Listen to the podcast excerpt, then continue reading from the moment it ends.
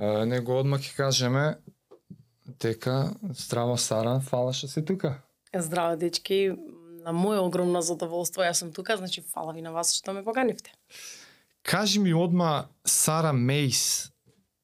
Од каде е тоа име? Така е или е има уметничко нешто?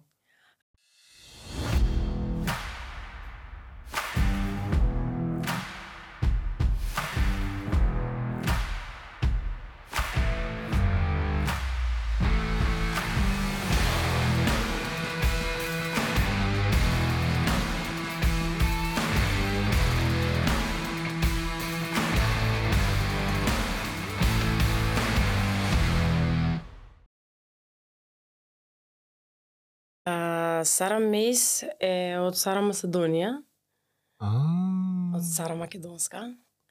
Имаше многу револт во мене, многу револт. Кога студирав во Бугарија, а, така сакав, ако можам да ги брецнам, пошто они се брецаа нонстоп. Ти се кача, И плюс има тема. С А Д А Х Ми А Ц С А Тоа е додекафонија, оствари класична музика. У тоа време, е, значи кога студирав, паралелно се случуваа разни надпревари по композиција, кај што уствари плюс се заработував и бев во такви додекафониски филмови и ова беше една тема. И она, мислам се имаше провокација од мојот професор по композиција да намерно ја избуткам и имаше момент као Океј, С, А, Д, А, Х, и сега М. Викаме, професоре, за М што да правиме? Вика, добро да користиме кирилица. Ќе ставиме ми. И уствари, ми, А, Ц, Е, кога ќе спелуваш, тоа е Сара Да, Мейс. да, да. да, да. И така поише Што ја прв пат го слушам? пораки. Па, не знам, Не те прашале, те прашале сигурно. не сум сигурна, мислам дека ја прв пат го кажувам. Не знам, ете Се супер, да. поубав одговор, не можев да замислам за зошто Мило звучено. Да. А, ја сакам јавно и лично, пред да почнеме, огромна благодарност да ти изразам кон тебе, за тоа што ти беше една од првите у ова вике као предходниот живот го осеќам. Во почетокот на моите подкастерски денови уште кога снимав дома на компјутерче и вебкам, тие што не пратат толку дамна, Црно-бели ќе кога. памтат. Ти беше една од првите што објави моја епизода, ми пиша зборови на подршка. Прв што не го познавам. Прв што не ми е мајка, не ми е Да. другар, не ми е родител. Ужи круг. И не можам да ти опишам колку мотив тоа ми даде тогаш, колку мотивација уште ми дава. И тоа беше прв момент кога сватив дека види ја ова ствари не го правам за мене дома и за моите. Она прво сваќање дека уствари има луѓе што гледаат, тук таму има. И стварно сум благодарен и за прилика што се тука да можам лично тоа да ти го изразам.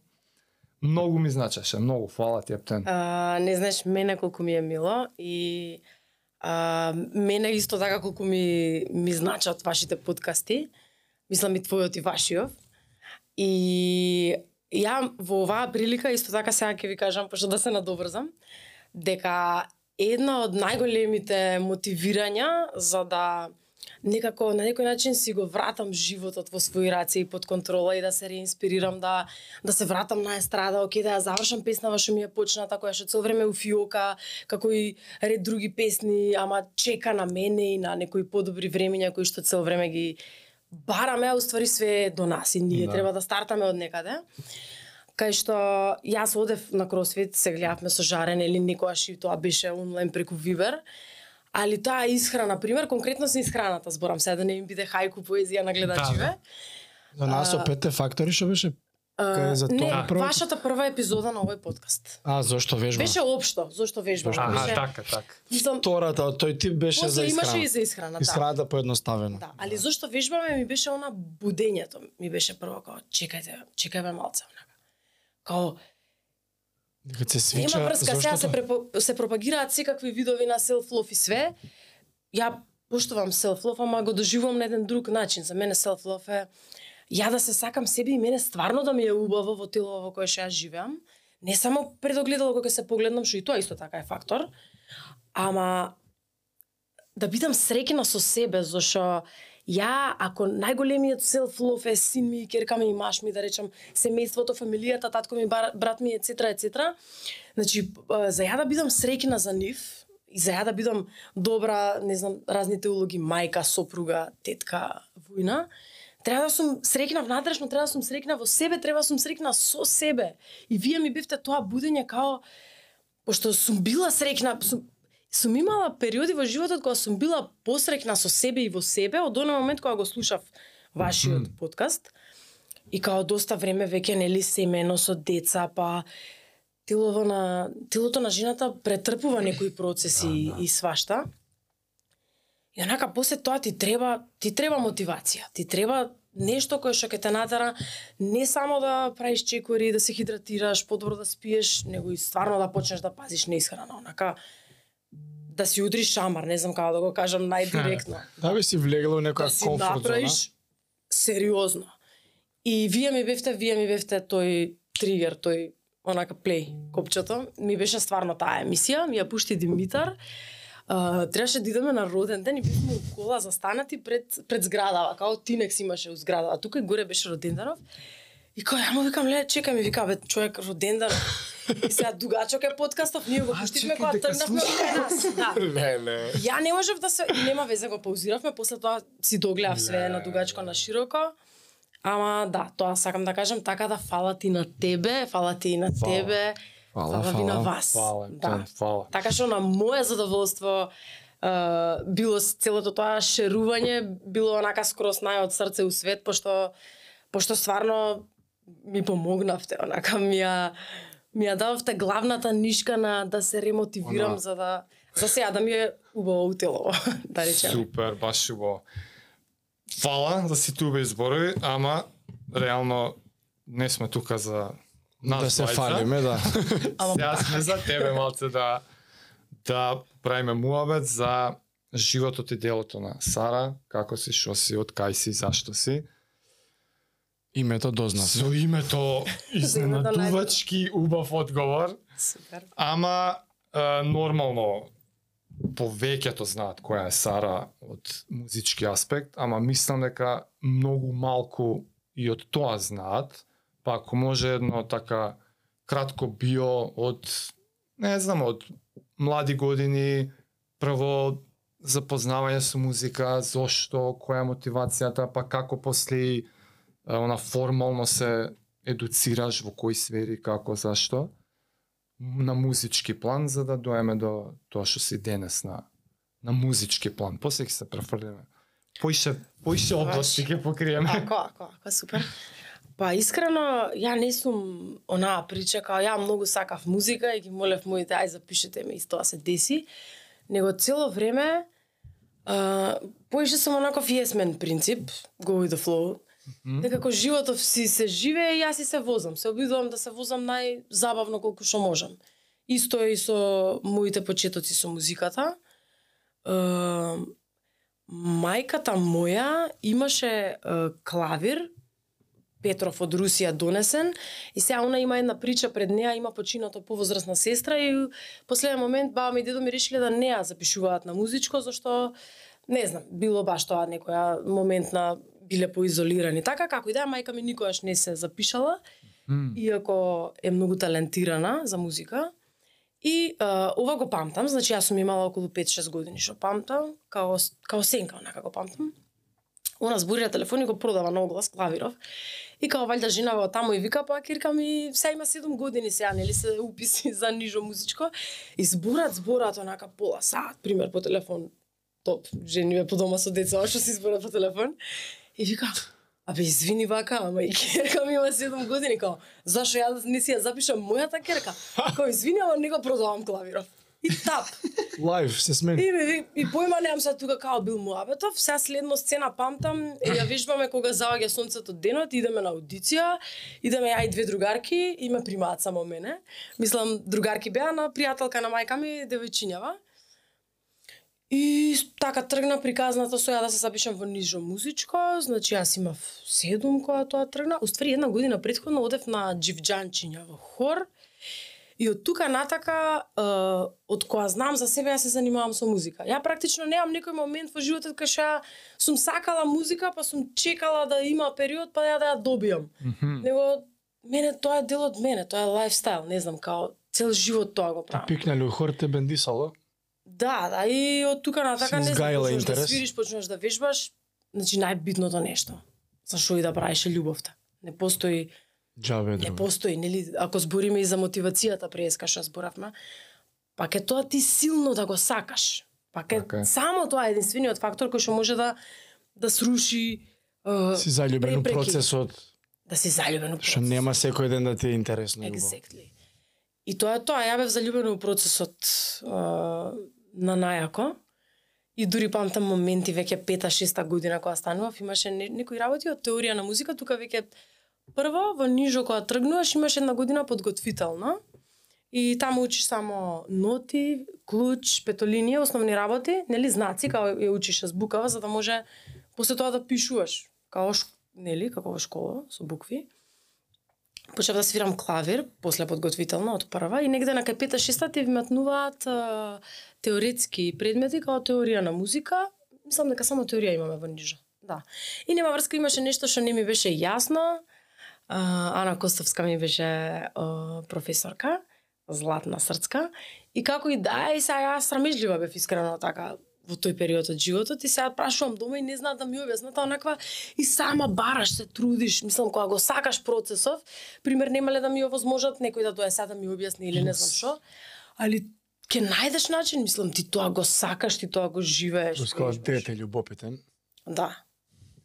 Добро, кога влагаш у бубоњот музика, дете не дете нема, цел живот тоа. Обседнати. Да, да. Е, па тоа е, ти, Сест. ти влагаш у бубањот, ти сега имаш нижо, ама ти продолжуваш и цело формално образование. Да.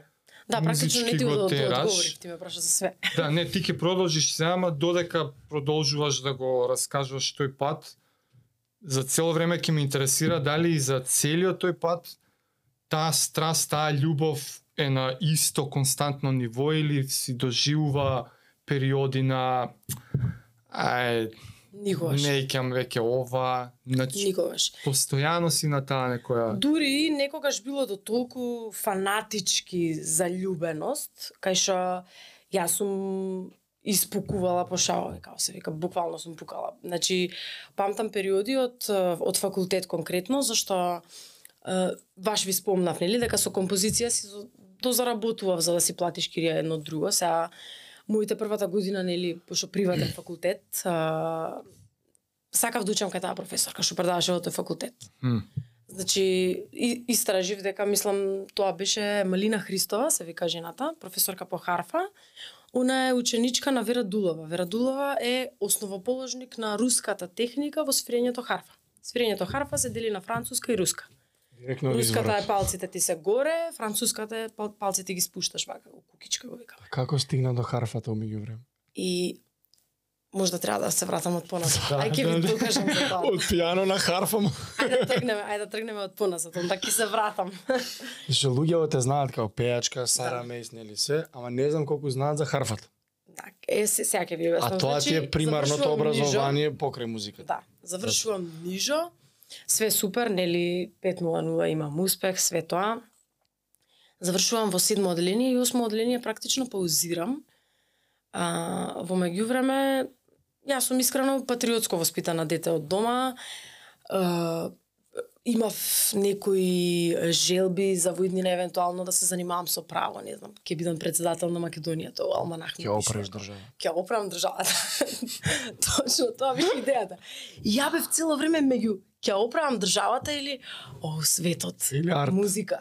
Да.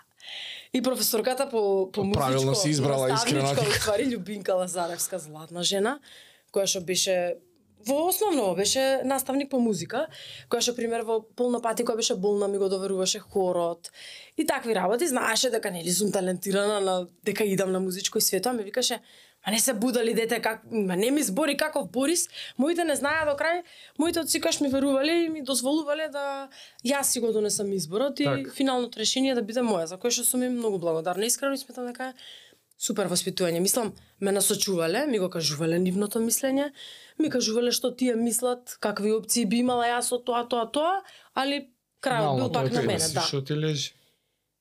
И сигурно длабоко во себе знаев дека ќе отидам во музичко, отидов во музичко и а, прва година не знав, онака хаотично беше баш све, отидов на испит со феш, све тоа нели си положив најболи кој што треба и се запишав практично теоретски.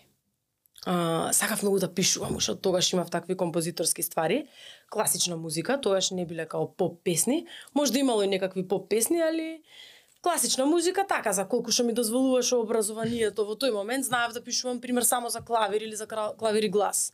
И нешто такво било и ми беше идејата да да, да стартам теоретски и да после тоа продолжам со композиција. И добро, прва година супер, све бомба. Uh, втора година класната наша Весна Беличанец дојде и на мене и на уште на моја другарка Теа Богатинова. Uh, си учевме двете така, клавир имавме нижо двете. Вика, вика имаме дефицит на харфисти во државата, вика им, ни прати Абер, некој од теоретски да му направиме муавет да продолжи да свири харфа. Треба некој што е нели добро би било да е девојче, да е висок, пошто харфа е 1,80 инструмент, нели треба да се држи све тоа да ти стигнат рацете до таму Напорен и да има долги прсти, као, добро. И јас појма немам, не дека тогаш било ниту паметна, ниту глупава одлука, него просто било, еј, харфа, леле, сум ја гледала по филмови, свакаш си ја слушал нешто оркестар, да разбираш на 15 години, да. И дојдов дома, харфа, и као да се купи харфа, харфите почетна цена на старо харфа ти е 7000 евра, 8. Руска крша, ако најдеш 6 Of course. а, школска харфа на ново, салви, камак, која која идеја од фирмите кои ќе произведуваат харфи ти е Пола стан. 12.000 евра со шипинг и све дур да дое 13 ке те фати. А, ви зборам за школска Legit. харфа. Значи полуконцертна харфа ти е ова е школска Океј, да да. тренираш. 12. од 16 до кај 22-3 концертните харфи оркестарски влегуваат од 24.000 евра до 60.000 евра е разумна цена. А што е неразумно? Special editions. Имаш сега special editions, Као тоа е веќе Страдивариус левел на виолина што е рецимо. Е, да, ама кај нив пример колку постара Или дрвото е кај да, нив, друго е. финта. Кај нас не иде баш така, пошто кај нас има механизми многу, значи имаш 7 педали доле. Тие 7 педали имаат по 3 нивоа. Значи имаш 21 ствар за размислување во две нозе, О мај а горе имаш 48 жици. 47 некојаш зависи. Може таа да ја нема едната. Сега Се се. Да, ти така што они прво и моите ми рекоа немаш шанси харфа да ти купиме. Сногај се. И Ја викам, ке за инат ќе се запишем, онака кога нешто ќе ти рече не, абе ја ќе си купам. не. Онака. Тоа ми било, не знам, секогаш ме водила пример ако ми речат, не знам, немаме пари, не можеш да идеш на скијање. Леле бе, зинат бе. Све што треба ќе направиме, ќе видите дека ќе имам пари ќе идам на скијање. Мислам, така тој тој фазон ми размишljала глава, пример. Чекај, школата не ви обезбедува никаков тип на харфа. Сега ќе ти кажам, обезбедува, ама тоа е преако, мислам, жалам ако некој се налути, ама ќе кажувам само вистината и вистината, рака на срце се колнам. Нема врска, јас се враќам и викам на класната, викам ја ќе свирам, сакам. Добро, идеме се запознаваме, влагам кај Лела Урманова, русинката возрастната професорка која што ќе требаше да оди и да остави некакво наследство. Имаше тогаш неколку харфистки кои што нели туку што дипломирани, една две и една која што треба да дипломира. И како и да е, И добро, и одам и она ми свири, и ја требаше пред час, пример, во музичко, часовите, у 7 и пол имаш контрапункт, пример, после имаш 2 сати дупка, па имаш следен час, и цел ден си у школа. Али тоа е сосема нормално за сите музичари, и до ден денес е така, знам имам ученички кои што се музичко, така што во дупките ние обично свириме. Си свирите. Да. Така си Да, функционира. Така функционира и тоа е нормално. Ја имав некоја дупка од 2 сати или сат, не знам, пример. И влагам ја луѓе, памтам дека ја се заборев у таа соба и ја каснев на испуштив следни два часа. Ака женава ми свири, ја онака сежам, викам, леле, фала ти универзуме, ова е тоа е тоа што ја го сакам, тоа е тоа што ќе го правам, готово, супер. И така старташе мојата приказна со, значи летото прва година средно 15 и пол години сум имала, више од Се втора. у харфа. Да, ја почнувам да свирам. Ја буквално спиев во музичко. Значи, идат на екскурзија моите, се враќаме, дури другариве од средно на моменти не бев некое социјално чу, суштество, онака поише бев сметана за бубалица, да речам, пошто стварно сакав да учам, сакав да свирам. Се враќаме од екскурзија и си си одат, пример, ја останувам. Чуварите ме знаеа, све бевме со клучеви, со со кафиња пиење на пауза, све тоа беше нонстоп бев, да, од сабаля до вечер. И мака која имав, која ми се плачеше, ќе си влезев у соба, ќе си си сплачев, ќе си посвирев, све тоа ми знаат другарките од средно света, онака ми беше тоа е лайфстайл, ме сваќаш, тоа е all in си тука. Немаш момент кај што сега мене тоа да не ми се свиѓа, пошто у момент кога животот ти иде у надолна линија, кај ќе се историш? Ке седнеш, ке свириш така, ке пееш, ке правиш, тука си. У момент кога си најсреќен, па оке ке прославиш, ама тоа е твоето место, ме сваќаш, тоа е тоа е, не знам како да кажам, Вентилот твој. огледалото твое кај што ти си ти, ама ти си боли верзија на ти. Тука си тука си правиот ти на местото кај што највише те разбира некој, тој е твојот инструмент. Пази, на почетокот не е вака идеално како што звучи, пошто ти се учиш. Да. Така. Немаш таква техника сега, свириш некој, не знам, има не, нешто Чајковски свиревме, ама сега као Чајковски го свирам. У, јако ми е. А уствари ти свириш со три прста, почнуваш, но не свириш кој што треба, мислам, учиш. Ама кога нешто многу силно сакаш и кога си заљубен во процесот, тоа тоа го правиш. Ти ги ставиш Мислам, да. 10.000 сати на него. Да, самата и харфа како вака пест. викаат као нели инструмент на боговите магичен. Е па сега да ви кажам кога старташ да свириш на прстите, ти се прави подкажан крв, па ти пука, па ти се прават меури со вода, па ти пука, па се Слично како со гитара, нели? Да. Дури се адаптира на железото, па се прави онакво Да. како Исто како на вежбање блускавци. е, Опираш, Да, да, а да. прстов разликава во зашо харфата се смета како за еден од посложните инструменти. Ти си у воздух. И ти ја влечеш жицата у воздух, ја влечеш во тебе. Значи све е во воздух, ти не се подпираш нигде. На клавир се подпираш така на Да, на бубњеви се подпираш, на гитара се под, на виолина се подпираш. Тука си ти у воздух. Оваа рака латентно ти се влече под декот, али тука цел време пливаш. И Темната страна на харфата. Нема врска после тоа се, се научуваш, али али процесот да, ако се заљубен у процесот ти Нема да Еј, смета добра поента сме на добра на добар момент сме за да го кажам ова. Практично ти мора да издржиш у тој момент. Ова е као со ладниот туш што го имавте зборано во некој подкаст. Или ова е као моментот со кога ми речат се извинете дечки, али кога ми речат како ославе, е, гладна ли беше? Абе дечки калориски дефицит се. Нормално дека ако внесуваш период. 1300 до 1500 ќе бидеш гладна. Ама ќе адаптираш. зуби нема малце, да така? умреме, нема до крајот Да, да, на да. животот да гладни. Да, али на крајот на криштата и да. Пази, и сега кога ќе седнам да вежбам, сега па други маки имаш. Седнуваш и сега веќе после втор, трет саат, не можеш порано, седнуваш и на трет саат ќе направиш пауза, али вкупно во денот можеш ти да вежбаш 8 сати. Да, навикнат си, више тоа ти е... Али сега, пример, у моментов не, не тренирам, не идам на кросфит, за жал, чекам малце децава да ми застанат на нозе, односно бебенцето за да продолжам. И пример, сега си осеќаш, немаш баш кондиција, мислам, Си бара кондиција, замисли че. Си бара човек, како не си бара 45 минути више, уф, онака, Физички захтева мора да станеш, да се истегнеш, да направиш нешто, мислам, да. Али све што е, кај што има љубов, таму има и прекрасна Значи разврска од на... средно ти си тераш харфа Да. и тоа после продолжува до крај. така одиш во Бугарија. Така одам, значи вака, усредно ја паралелно почнувам да компонирам, пошто од, од себе нема бегање, од тоа нема бегање. Имав супер професор по композиција Дамјан Темков. Дамјан Темков можда и можда и спортувал негде кај вас споменам, го знаете, супер лике, урбан дечко. Како и да е, и он ми беше уште толку мотивација да, да пишувам работи. И ја почнав да пишувам, од трета имавме со него, имавме формили ни предаваше. Не, композиција ни предаваше, имавме композиција у трета усредно. И и како и да ја влегував паралелно тој филм, тоа се филмови што ти пази и со пењето, ја, ја уште сум на крстопатриално со три, сите три работи, али можеш да ги возиш. Ако одлучиш дека музиката ти е живот, можеш да ги возиш. Легитимен е муабетот и дека и 33,3% ќе даваш на сите. Пошто Да. сега пењето си бара, И тоа си бара сата, вежбање. свирењето, не, не можеш да, можеш да вежбаш пеење доволно ти е 45 минути да пееш на ден, ама треба да ги имаш и да ги вежбаш, да. Ама тоа е Композиција- после 10 Да. години тренинг. Како и ти сега за пола сат тренинг завршуваш секат, работа. Секат. Аха. Пејачите во средно музичко ги сметаа за посебни. Се мрзливи? Ја као увек сакам себе си да се ставам у групата на инструменталци. Свирач.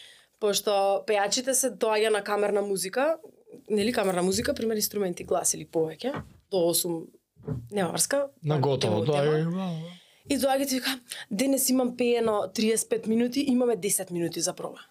Буквално, А, толку. буквално. Или доаѓа ти вика, денес, квотата. денес малце ме боли десната гласилка а, горе, Гласилка. значи имам пеено 7 минути на пеење, а, професорката ми рече до 10, имам 3 за проба. И ти онака си викаш, немој да сгрешиш.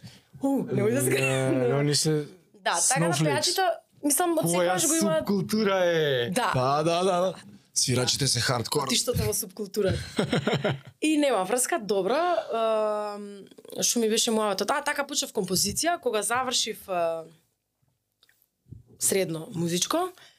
Uh, не само Дамјан Темков, него и професорот Светиев, Борис, uh, ме спрема, сака да продолжам композиција, отворија место, две за мене и за теа кај нас, ама ја не кеф и не можев да им објаснам дека јас стварно сакам да продолжам харфа, као аби има еден тон харфисти, многу е потешко да се докажеш во светот, на на на остани, вака ќе направиме тоа. И јас стварно се мислев, зашо искрено не ми се допаѓаше е, професорката што требаше да ми биде тука во Македонија, сакав нешто повеќе, сметав дека би требало да да земам повеќе нели како образование.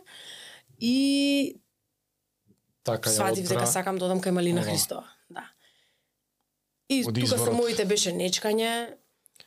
Сакам сак, не беше онака нечкање скроз. Они не можеа да ми дозволат поради финансиските проблеми што ги влечеше тоа моја одење таму, зашто 1500 евра беше година. И плюс, мислам, за тоа време, за Што да тие примења што да сме ги имале, било таму, многу и да. плюс тоа треба да живееш таму, нели? И нема врска. Ја онака бев многу бев бунтовна, можда и не биле убави работите што сум им, им ги правила на моите, ама бев 100% сигурна дека сакам да го добијам тоа, онака нели им викав, ве молам, ке пробам ја после нешто едно друго. И дури беше онака, запиши се на композиција, ете супер ќе биде ако останеш на композиција. Ја реков, е, нема на психологија ќе одам. Леле. Ме интересираше, читав, интересува беше психологија многу и као онака се додека пошто моите знаеа дека ја треба да продолжам да се занимавам со музика и јас сакав да им дам до знаење дека или ќе е тоа или нема да е ништо. И на крајот ми рекоа добро ајде оди ќе пробаме ќе и јас се запишав.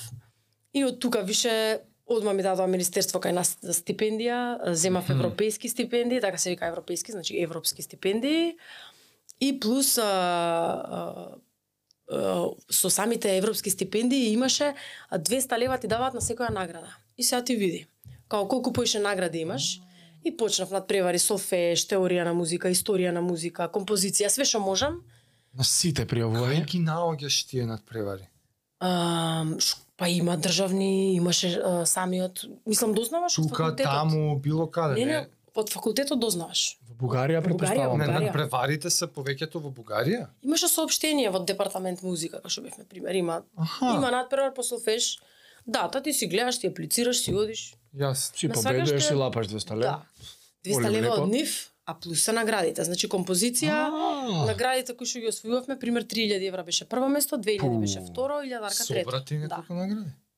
Сите. Но да. Сите награди. Али али позадината е следна.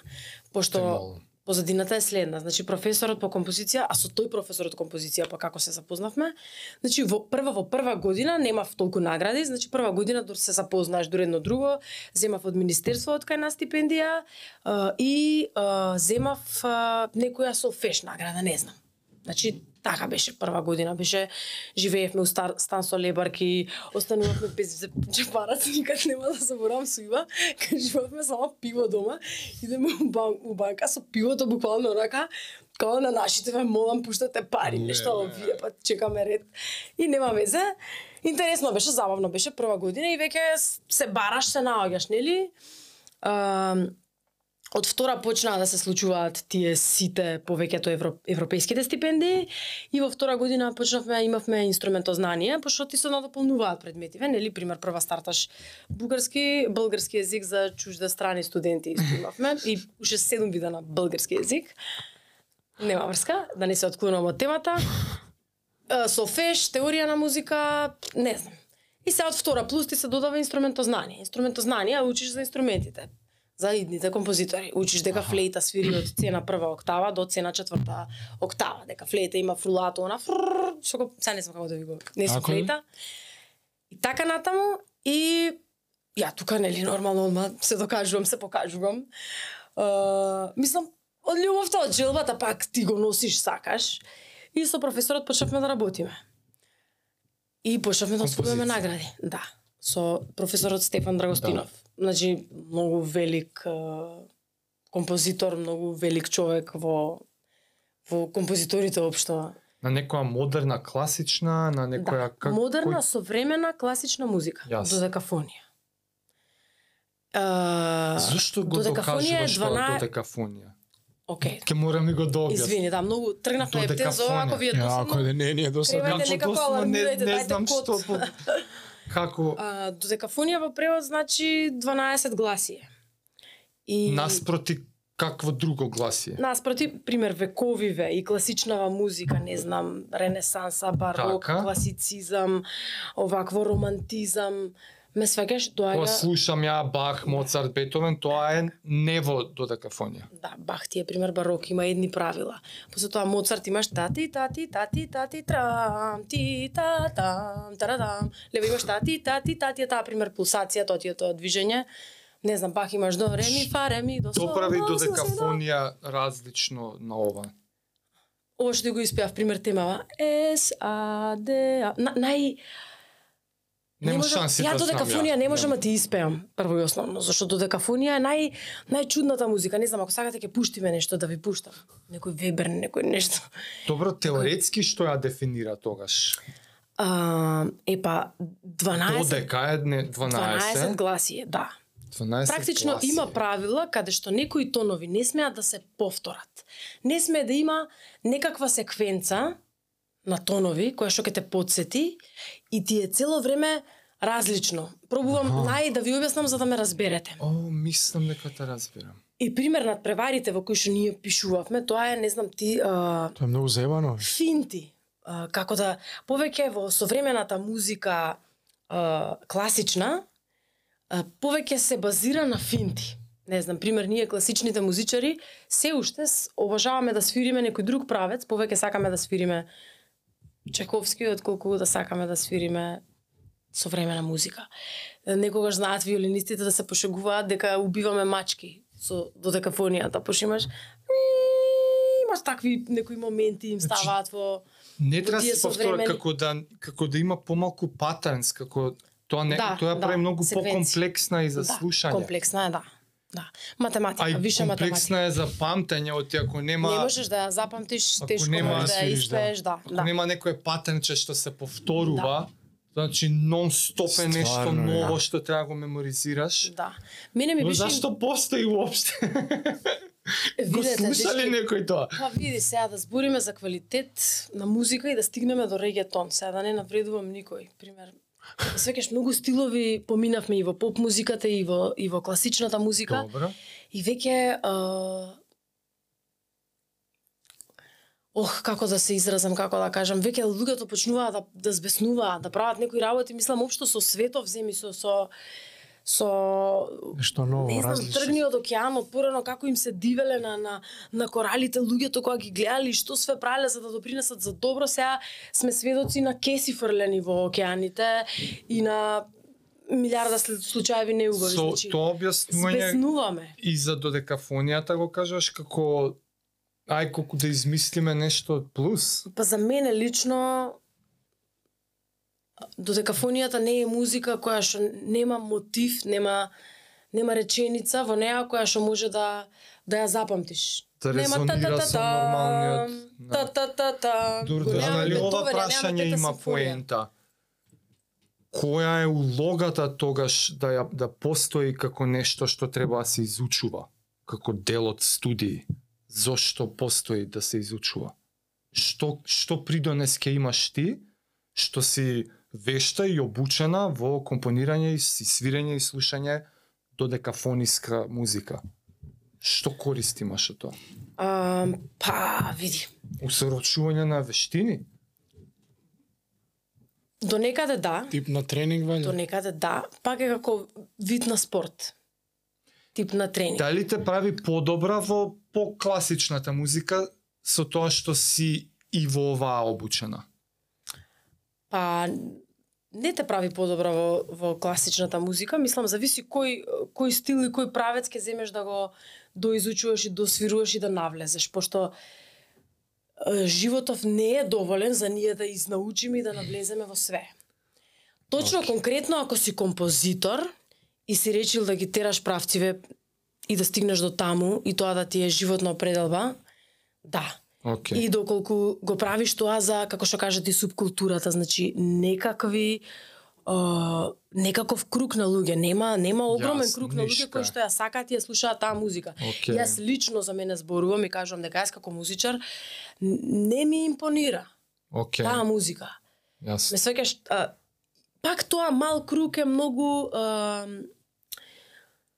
пак е а, како да кажам пак е point of view колку е малку. За некој малку Да, е да. помалку од Да. колку што е за некој друг малку. За некој малку е и джезот има исто така малку Не, публика да како речеш. те прашав, одма сватив дека одговорот, најдобриот одговор е it depends. Да, да, Како најдобро Знам, одма. Пази, ја имав неколку опции. У прва, е ова заборев да ви го кажам, ќе си го кажам сега да не се правиме само дека со музика сум се занимавала. У прва година исто за плюс кеш работев као модел. Косава ми ја шишава и тоа само за коса, само за фризури. Ја отидов со дугачка коса, ја така стигнав до кратка коса до бричена имав, како тебе бе фиста.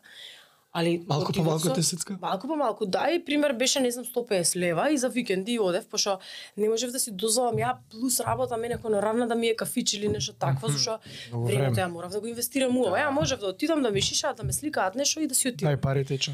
Да, значи у прва година го правев тоа.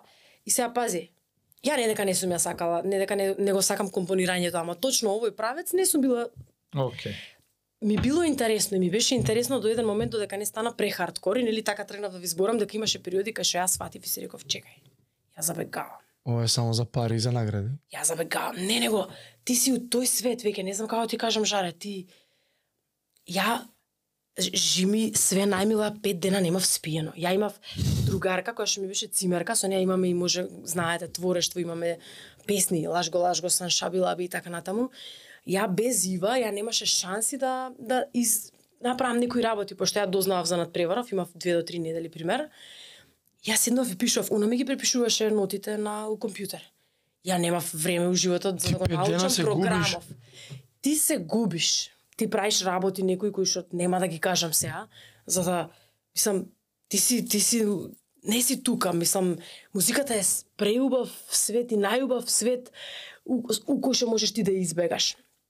Ама тоа константно да си во него е малце, мислам, после петиот ден, пошто студентски живот, ние сме се наоѓаме македонците во Софија, баш кај што пример ја у трета памтам живеев, тој што ми беше најдобар другар Сандре, он беше джест клавирист, он живееше горе над мене. Значи Ива живееше неколку згради до нас, не знам, бевме многу супер екипа, имавме джест саксофонист Стефан, Ана беше Ана Батева режисерка, глумци, имавме исто онака многу супер екипа бевме, сите бевме уметници. Многу добра екипа бевме, нонстоп се поддржававме, идевме на заедно на ако треба да се зимаат награди, заедно ако треба да се тагува, заедно на театар, заедно на премиера на Ана, заедно на филм на Мики, не знам.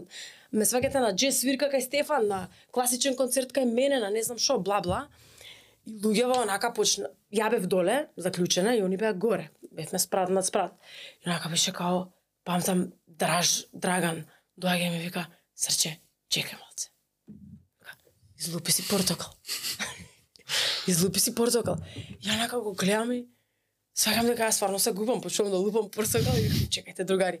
И во еден момент сватив дека ја не можам од тоа да конзумирам малку. Ова е као за исхраната. Не знам кого гледав, кој кажуваше као Изгледано и Стефан Докоуч има еден, не знам дали го следите на Инстаграм, многу ми е супер. Убави работи кажува, од прилика вашата кауза и вика као нема везе збореше за путерот кикирики, дека го зборат у хелтија, дека путерот кикирики има као колку 100 калории лажица, и како ќе видам као ја пуни Полека, полека. да, чекајте другари, стој, стој. И као, вика, тргнете од дома, све што мислиш дека не можеш да изедеш малку, све што Не, ја вика пример, јадам, ако јадам ја путерот кикирики не можам малку, ја мора да изедам многу. Е па ја така, ја не можам не можам да влезам и да, да компонирам малку, пошто компонирањето е преинтересна работа. Без разлика што е додекафонија или какво да е, особено кога додекафонија ти имаш, човече. Различно. Толку опции имаш. Како да го направиш ритмички, како да го направиш музички. Ти имаш, ти се губиш, а јас сум вага у хороскоп. Можеш да замислиш, значи тоа. Перфекционист. Да, ама ја, јас се размислувам, се мислам, ја мислам 5 минути што ќе нарачам, не па тоа. Аха, а, да, а, вагаш. Не одлучен. Да, да, да, Значи, да. чекај, да. леле, па, чекај, слушај, сега од на телефон па прашуваш некој од колегиве, еј, ова или ова? Тоа, добро, не, ова е, значи, петка глава, сваќаш. И си викаш, и ја така реков, пошто ја бев учев уште еден факултет, по джез пеење, тоа беше, Исто таму? значи да, сега вака, ќе пробам на кратко. У прва се запишав на харфа, во втора почнав да како специализација ми се водеше композиција Така. и почнавме над превари и во трета, пошто имав успех над 9,5, баш кога освоив една многу супер награда, странски студент на годината, Бојко Борисов, Борисов ни доделуваше све тоа беше ивент на Бугарија, црвените писи бла бла.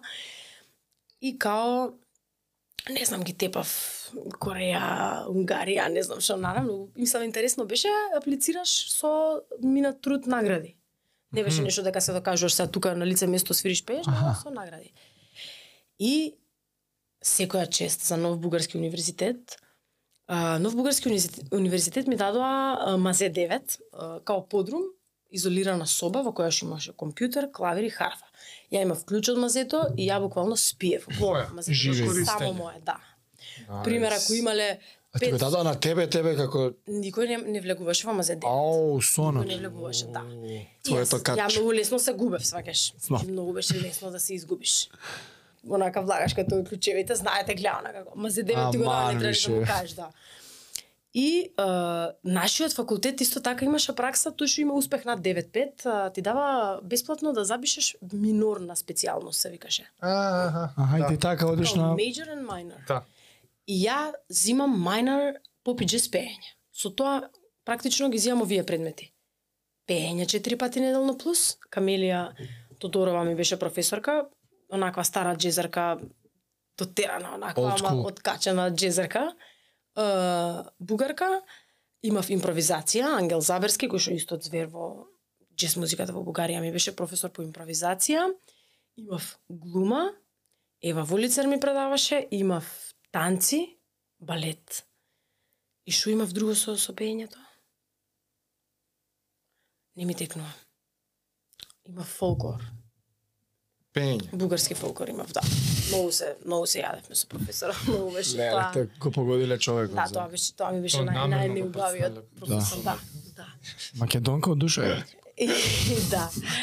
И нема врска овакво, имав дел о Македонијум. Као си го крстува концертот ми се викаше Македонијум 2. Сваќаш? Турна, кај па Така дипломираш, што све титули добиваш? А на крај имаш ма, major, minor, специјалност и Ствари не ги специализација. добива на сите предни, него пеење. Да. Пе попиче с пеење. Еве една ти е дипломата. Таа е. Major, minor, специјалност имаш major харфист, Харфа, Так. мајнор попиче с пеење. точно, и имаш специализација композиција. Специјализација. А, композиција, специјализација. Да. да. Да. И а, Со клавир не продолжи ништо тука? не, не, никад не сум била добра клавиристка. Не беше? Мислам, пази, сум била добра, ама Тоа ти се да верувам задоволам- почетоците на Да, колку колку за петка, што се вика. Ме сваѓаш? Да, Да. не за така. девет и пол и Не да. за сега, значи сега ја клавир, знам да седнам и да си да си испратам песна, знам да напишам нешто што ми треба, значи али сега за да идам на надпревари, мислам. Не ми се не Симон Трпчевски левел, не? Мери или Симон Трпчевски, да. Али знаеш се помниш? Даже, да. извинете што ја го спомнав името.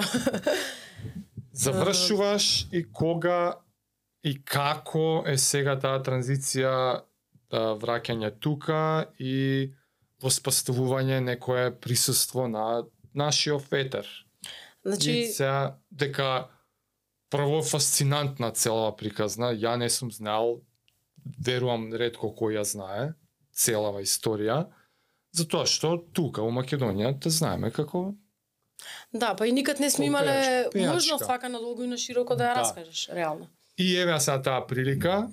Предпоставувам набрзо после тие студентски години каков е наредниот период и како се воспоставуваш како тебе да речеме јавна присутна по нашиве музички кругови и како се движи сега тој дел од кариерата. А, паралелно тука почна све уште кога бевме устанот со Лебарки со Ива, значи тоа било прва или втора, не знам која година. Локација на станот со левар.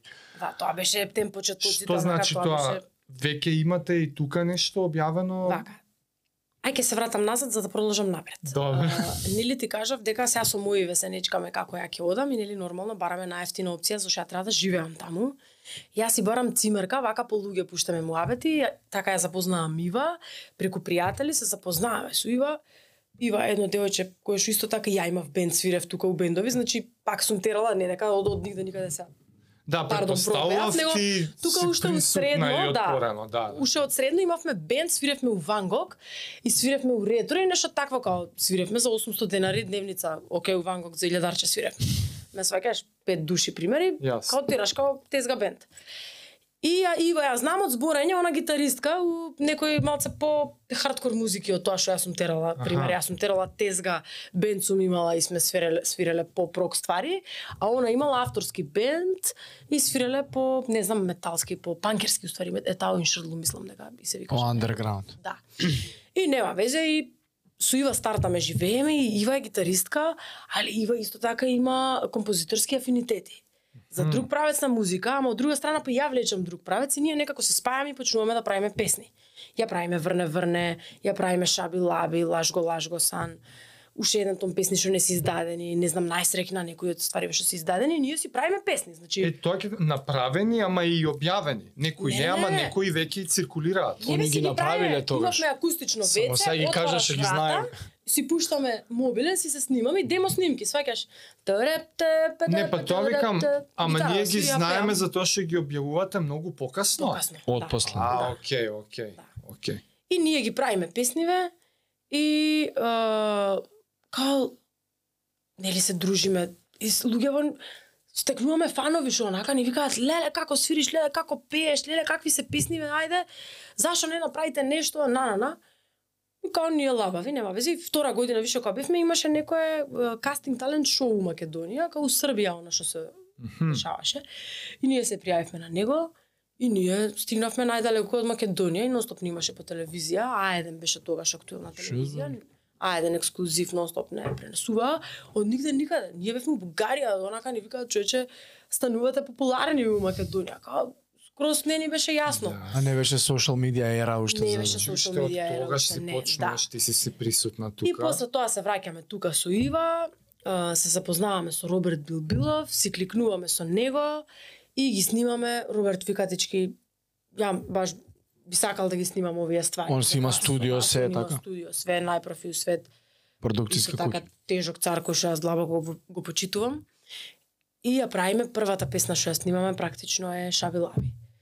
И Роберт вика, ајде сега треба да, да снимите да спота, ние што спот со една другарка што режија студираше, Дина Дума, ајде она ќе ни го снима спотот. Земавме од она Ice Age ли се викаше кафичон, е, од таму ги земавме фотелите. Наместивме сценографија од дома, отидовме тука негде некоја радишанска нива беше изгледа. И другарка вака не сними спот. Леле спотов, спотов го историја на телевизија, сваќаш скроз онака. Што збориш? Со нула денари Дина инвестиција. Дума не режираше сега нешто? Да, сега и преспав да режира Дина, мислам дека и ствари режираше. Тогаш била студентка. Али тоа беше. Која режираше на Netflix што беше Е, мислам дека имаше нешто. Одамна не сме се виделе со Сестри ли? Како се? А, македонскиот филм? Македонскиот филм. Sisters, да, да. Sisters. Не, си Да. не. Тоа е незин. Мислам дека да. Ми е страв да ти кажам да со 100% Океј, сигурност. да. Али Не, немој ти да зга, ама јас, ако грешам ја да, Да, бидам да не- тој што ќе сгреши. фала ти. ја мислам дека Дина Дума го направи на Netflix тоа, да. Мислам дека знам дека видов нешто и си реков леле Дина човече, онака Не е направен за Netflix, тоа си е направен Нешто, да, нешто ама. Netflix го го- up за Да. овој Па, И како па и да, и нормално дека спотов, јак спот искочила. И нема везе, идеме сами, памтам, вака со тропање по врата, Jungle TV здраво, здраво е А1, здраво, го дававме, исто го направивме и по телевизии, дури со тортички мислам, Добар да имаме спот. И луѓето од радијава, да, и од телевизииве беа онака како им бевме кјут, знаеш. Интересно, Две да. девојчиња што си ја направиле песна на сподов, еве, не историја. И тука почна. Тука имавме понуда од Сефер Цановски, пошто беа пост се дешаваше и дол после тоа, да ни бидеме на джер и да се дешаваат ствари, да инвестира стварно у нашава музика. Само што тргна приказната, му се деси она со зградата, се растури таа приказна. Добро. Тука беа неколку месеци ова све се дешава. Да, да, Е, ние со Роберт Роберт ни вика ајде уште една песна, значи све ова пробоно од него. Правиме уште една песна, е, Лажго Лажгосан, што се според мене се уште су- супер ствари, онака увек ќе бидам некако посебно приврзана за нив. И тука се јавува Васко Павлески, горила продукција да ни бидеме на джер. А, тука се дешава распад цимерките, зашто Ива решава одлучува да се посвети на не сака да патува, знаеш, Софија, Скопје, пошто Васко вика добро, ќе инвестирам, ќе правиме толку, ама вие за возраст треба да имате тезги да свирите, ја да зијам толку, значи нели? Договор Процент. нормален договор. Ива одлучува да тера пошто Ива исто така тераше два факултета. Она беше продуцентство и менеджмент ме- мејор, а мајнор она имаше тон режија. Звук, саунд инженер.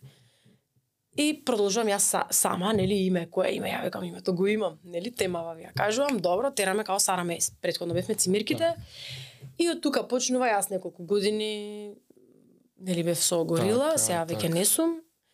И тука е времето, не, не знам, валја се дешаваат некои песни сон се случи, а, уште некоја песна се случува Настапи врне врне. Фестивали, Да. чуда. Еден од фестивалите е Скопски фестивал, Да. кај јас се случува врне врне уште од самата вечер врне врне онака експлозија доаѓаат ради едно друго, нели? И после врне врне ние имаме понуда за танц од звездите. А ја веќе бев, значи години поминале, ја бев, а, значи ако ја престанав да идам во Бугарија, ја бев запишана на ма- магистерски. Таму пак? Да, да, ова све се случува пример, ова си, Ова Софија, се е релација. да, да, ова се да. Она убаво рече, треба да Да. се вратам чекор напред за да, Да. продолжам со Да. Јас сум приказна, до да. тука цело време сум Софија Скопје релација. Actually, живееш у Софија? Живеам у Софија. Действуваш Да, ова е Скопје? Доаѓам, доаѓам на две недели еден викенд од Скопје. Од прилика тоа. Работно. Да, Пукаш, да. снимаш назад. Да, да. Или веќе после тоа и на секој викенд. Аха. И кога ќе можеш, зависи тука што има настапи на превари, вам па го Тезги, мезги, си ги ова. организираш работите, да. Ама исцрпувачки е тоа. Исцрпувачки е цело време, мислам, ја од кога знам за себе, ама така си го правам. Со Димитар збориме, пошто и он е воркохолик као мене. И онака некад сваќаме дека уствари ние другачија не можеме да функционираме. Нас ја ако не сум тоа, Ќе паднеш Нема да бидам ја, да, не. сигурно ќе бидам комплексирана, фрустрирана. Нема да можам да бидам доволно добра за другите околу себе, а не па за себе. Така да да И идеш релација, идам магистерска? релација, да, се додека не се Танц случува Танц од звездите, тоа е 2013-2012, поима немам нешто такво. Значи, јас сум само што запишана на магистерски студии. Во меѓувреме на факултетов што се случува. Мене ми отвараат место за да бидам асистент по хармонија. И ми викаат, а професорот ми вика, ајде ќе го исхендламе тоа, нели со вака, со така. А професорот вика да запишеш магистерски композиција.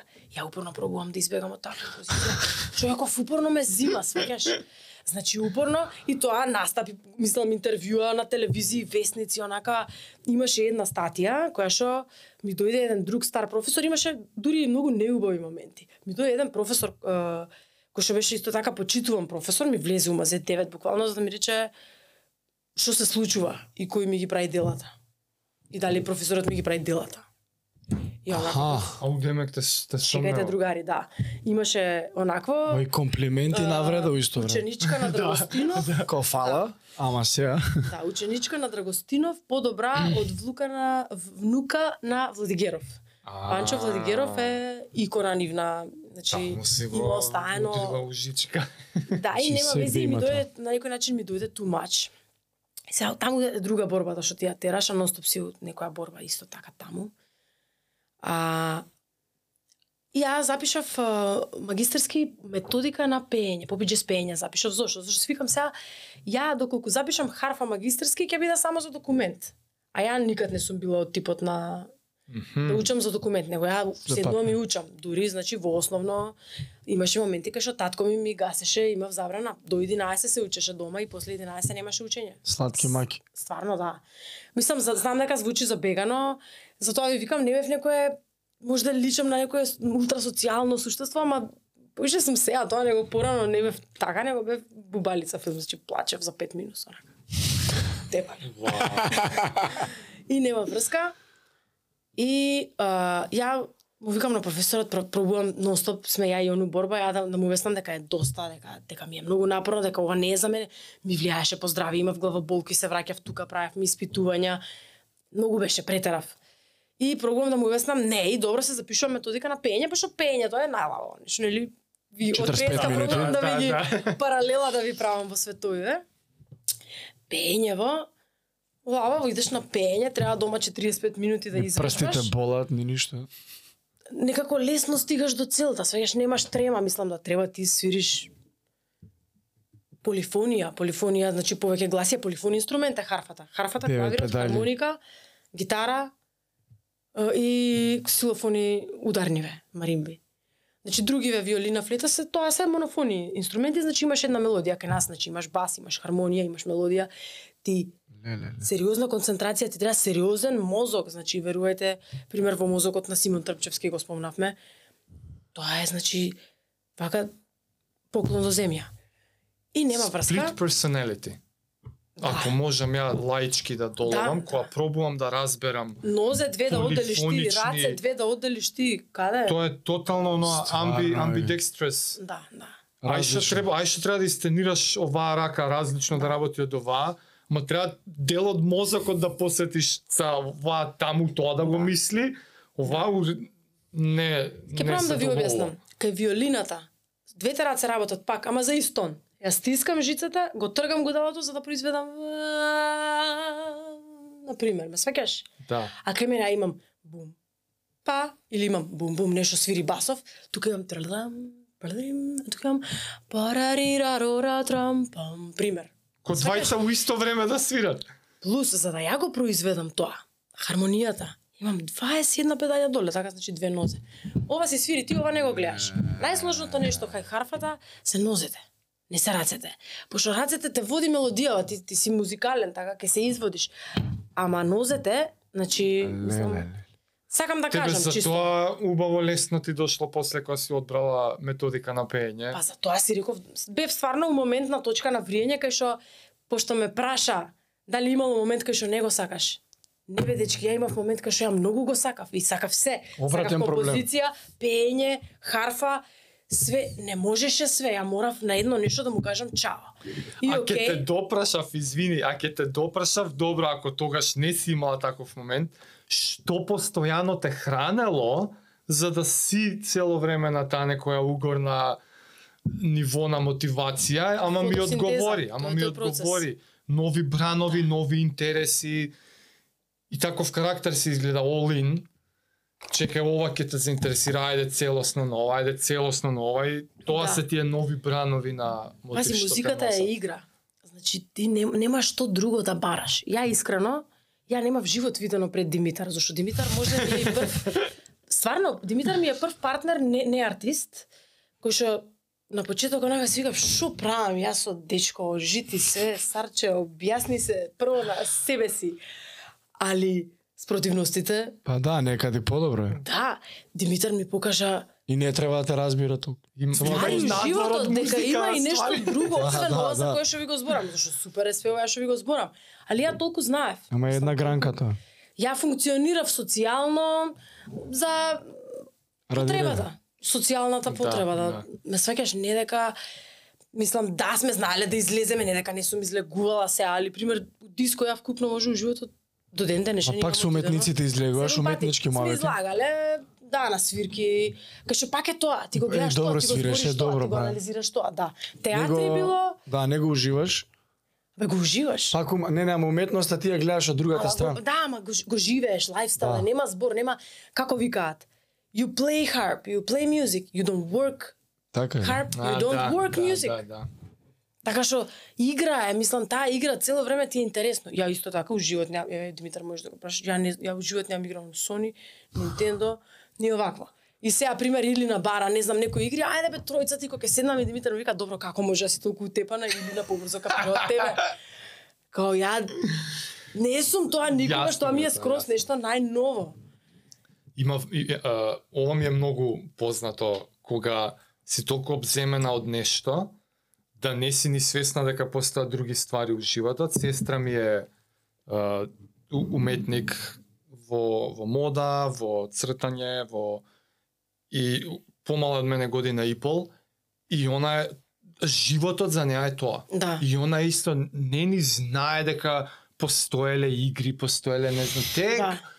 Ехе, после вработувања кариери, чуда откако ќе се стабилизираат работите, а че, а може да, ај да се тренира, може нешто, да се трчка. Томи, да бе ти, нели нешто трчаш цел живот?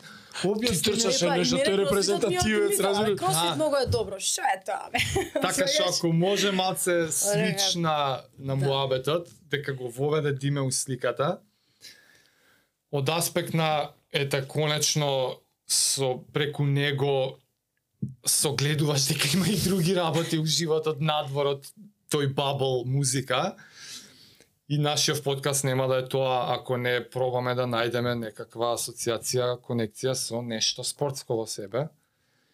Така што, кога веќе спознаваш дека има и други ствари надвор од музика, Да.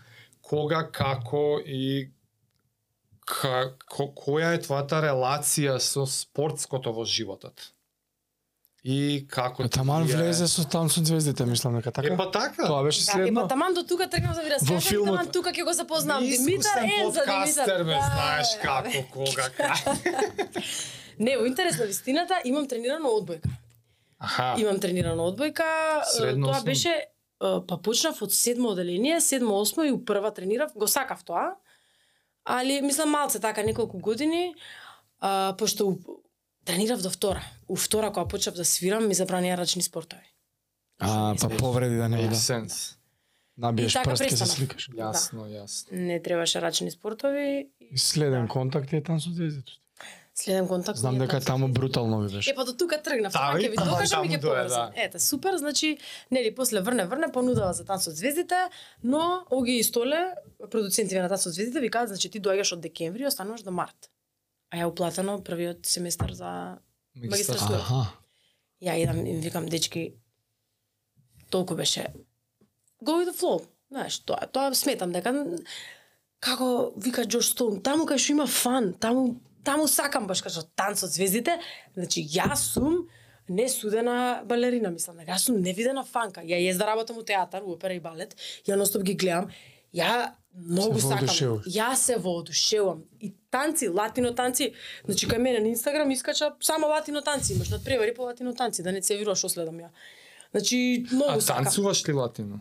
Дали си дел од таа звездите, веќе научив. После тоа имав Океј. и моменти кај што и одев, ќе ви докажам и да, оваква и ја им викам дечки да заврши танц од звездиве, ќе продолжам. Као сега за сега овој месец, овој кажи го Семестар. семестар, до тука сме, нема да доаѓам веќе, значи не сакам да ама ние ќе ти даеме она, не, јас сакам да го учам, сакам да бидам присутна, сакам да живеам тука, џабе ми е.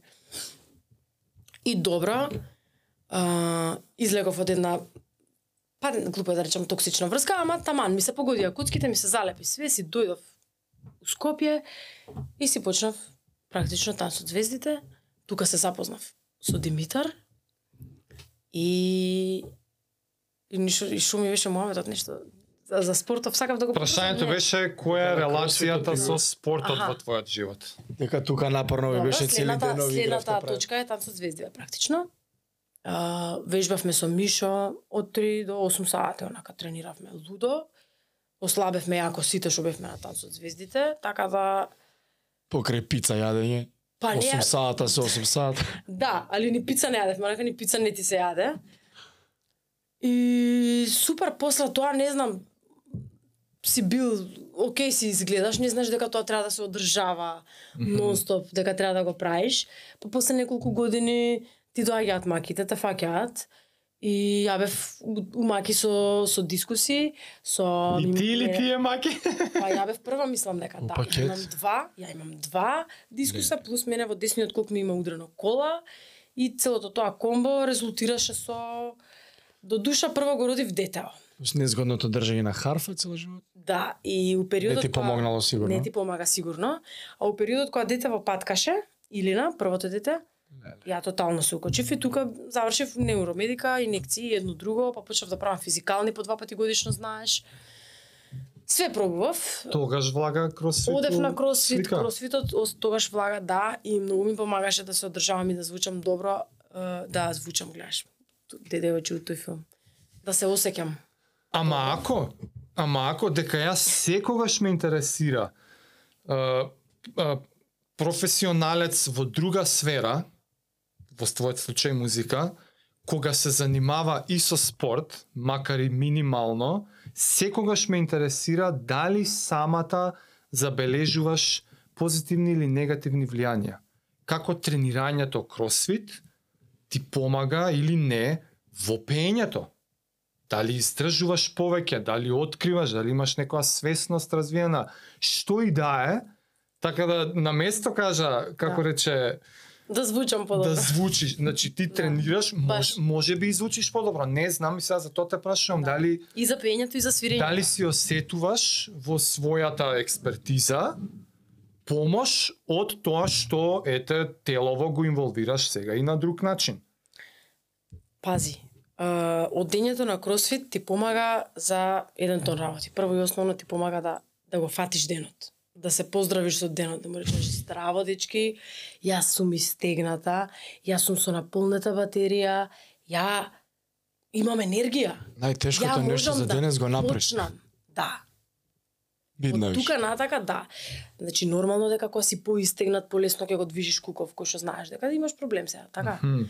Нормално дека ако си редовен на тренинзи, ќе имаш и кондиција повеќе за секаде каде што се ти треба. Ќе се појави таа кондиција во сите кај што ти треба. Па дури во самото свирење, дури самото седење столче, дури тешко е исправен да седиш ако не седиш исправен со по принцип. Да, Си пробал? Значи ако си да. вака, у принцип ај седи исправен, ај држи ги сам, Така само држи ги рацеве, не свири вака. Ме сваќаш, ај држи ги 3 сати, кај ќе ги држиш без пауза, нема шанси. Што дека Исто пеењето е захтева све, да. кардиоваскуларна издржливост поголема, а свирењето Да. физичка и мислам дека тука ти е Пази, пеењето, Совршен ако земеме е, анатомски да го анализираме, значи за пеење ти требаат на тебе повторно мускули, ти требаат две гласилки и ти требаат стомачни мускули. Диафрагма, Многу ти треба. контрола. Точно така, да. Така што во секој случај за многу работи помага. ти помага физичка активност и кросфит и една од работите кои што моментално ми фали во животов е тоа. Да, ти Однака, спомна, пошто- да. Чекаш да, значи се ја цело време пропагирам и зборам дека треба да се осеќаме убаво у нашето тело, али види не нема совршенство и никој не е совршен. Јас сум свесна во, со, во ситуацијата во која што се наоѓам, имам прекрасно бебенце, кое што е најдобрата кауза на светот, мислам имам две деца, ама среќен првиот роденден, by the way. Да, нека му е среќен. вчера, завчера, вчера беше, завчера. Петокот. Петокот, сега е да. А, напуни завчера. една? Напуни една, Е, да баш. кое што се уште со имунитетов се мачиме во смисла е, повеќе останува време дома и треба да седам со него. М, И не сме баш застанати на нозе за да немам време за да Знам, го за да го знам, терам тоа. Има повеќе работи што сакам да сакам и да читам и не можам. Книга една почнав на одмор, прв пат у живот ми се дешава. Значи ја месец дена ја влечкам книга. И сега доста лажеме по дома дека идеме у ВЦ, уствари седнуваш на шолње и шакаш. значи, Али добро е што правиш тоа што тоа што можеш да направиш во моментот. Барем пазеше на јадење да. и после Кирил бременоста ослабе колку кила? 16 беа. Uh, па, uh, сега ќе ти кажам точно, мислам, после самото слабење, ослабев 5, мислам после Не, не, благодарен, да. На 12. 12 се 12, пази. 8 и 4, првиот месец. Многу е 8, лесно да се 4, остаеш. Сега сум уште едно, 13 вкупно. Кој што не контролирано. Само со пазење. Искрено. Само со па- значи што правам? Си правам калкулација само со себе. Да, да, така. И сега Тоа е да, тоа. и, и едно нешто кое што жарем има научено, кој што прв пат ми ги има отворено очите, тоа е пример порано многу лесно сум се демотивирала. Ке каснеш нешто благо и си викаш ај бе, ја касна благо и толку. И уште Средниот 100 грама јадење. Ти плачеш пошто еден ден си каснала благо, човече. Дали сме нормални што правиме, мислам. У реду е бре, каснав благо од утре не утре нема, затоа утре нема да каснам. Така си се договарам со себе, пример, многу ми се јадело и сум каснала цело чоколадо изедов сега на последното добиено мое, пошто многу многу ми се јадеше. 80 грама на гладно срце шлак. Е добро. да. И си викам што правиме и добро, сега си се казнувам. Викам сега ќе го направиме фастингот срче 4 до 6 сати. Нема сега Аха. 8. И си правам муабет, си калкулирам. Океј, утре ќе јадам од од 1 до жаре? 5. Е па Та жаре. не тргне сноубол на јадењето да. глупости, него А, еден дека е најнормално ако голема тоа е работа. финтата. Да, дека кога ќе сум му речела пример на тренинг, абе не бев дисциплинирана сега, пошто значи тај стил сум бубалица, си кажам, значи Сама си си издал. си кажувам, да, не, не, Не, не, не не кријам, не лажам, значи не сум за петка. И он ќе ми рече, добро, да, ако ќе ќе го ќе го надокнадиш, утре не ја диете. Да. И тоа е тоа што го правиш од ден за ден. Така што на тој начин сега гледам да се одржавам. Ми останаа многу здрави навики за кои што исто така и на Ива сум ми благодарна девојчува што ми ја правеше исхраната, кај што ме научи дека стварно мислам за сите тие работи и ти си зборел Да, да. али онака кога ќе друго е кога ти се соберат и вие исто у подкастот се збореле и, и дечко што го следам Стефани уште 100.000 луѓе што може да И следам. кога ќе ги искусиш, ќе И поминеш некој се пат. соберат и онака пошто она ми рече мораш, тоа е тоа и сега ти си се нафатил, си дал пари, си се договорил за месечно, онака и на тебе ти ја сакаш да има производ, mm. сакаш да има цел. Баш кога беа повеќе поводи, не знам, потпишавме јама мај кампања за пролет лето колекција и се се викам како ќе сликам че читај. А по долна облека треба. Марата беше, фреквенција спотот требаше да се снима и си викам, значи сега ако не го искористам ова, Као мотив. наместо да им речам не, јас сум мајка која што роди пред 7 месеци, можам да кажам да, јас сум мајка која што и покрај тоа што роди пред 7 месеци, ќе го искористи ова како позитивно во мој во моја насока за моје добро, како да кажам, и ќе се видиме за два месеци. за месец. И така стартав хидратација, чекори, сон и уште се трудам и Гарминов, кој што исто така жаре го збореше заедно со Димитар исто така гледаш. И Димитар ќе го поврзам од цела приказна за многу работи што Па него го мотивираше многу. го мотивираше многу. И не знам, така некако сите работи, сега гледам колку можам да ги пазам сите. Кажи ми, сакам за мајчинството да поразговараме, да те прашам, ма како и сите други прашања, ја на лице место ги смислувам. Слободно. Се водам од И јас одговориве. Од, да, од, од одговорите, од приказната, намерно оставам така по како open-ended. А, уметничка душа, артист, ја раскажа приказната, фала уште еднаш за сите тие информации. И во еден момент во животот стануваш мајка за прв пат, стануваш мајка и за втор пат. Улогата, мајчинството како не знам компатибилно или не со животот предходно како се најде во во улогата мајка, во мајчинството општо со првото дете, со второто дете, како ти влијаеше на кариерата, во плановите за еднината, као некои ствари ги тргна на страна, ги остинеш, да влеземе малце во оваа тема, па може нешто друго ќе те подпрашам. Па, искрено вака, никогаш предходно немав размислувано за мајчинство и мислев дека ќе размислувам за мајчинство после 30-та и дека сигурно ќе се реализирам како мајка после 30-та. Но се случува Димитар Атанасовски и ние стартаме врска и он ме бара. После две години, ја имав 25 години. И памзам дека он кога ме побара, ја плачев и ја му викам, мала сум, човече, мала сум. Тоа беше мојот одговор. Ми вика, Добро, ај сега да не кричам. Добро, ќе почекаме, не мора одма да свадба да правиме. Само кажи да, кажи. Добро да. Тоа беше нашето барање. Стварно мала не планирав. Мислам, знаев дека го Те сакам. Најмногу знаев дека тој е човекот, знаев дека тој е тој, ама некако многу нагло ми дојде. И добро, чекавме една година, направивме свадба, сега колку и да чекаш, не чекаш, више свадба си направил некако. Притисоци. Не, не, немало притисоци, али Ајде, ајде, што тебе направи? ти се сака некако, не знам како да кажам. Си дојде природно. Која више си кажала Да. да, Кога би си кажала, да, си дојде природно, ама да бидам искрена, ја имав мака, имав и у главата мака, Пред, после, за време. за време на бременост. Аха, Ја како, почнав, која ја смисла? Илина психички. На колку години остана Илина, извини?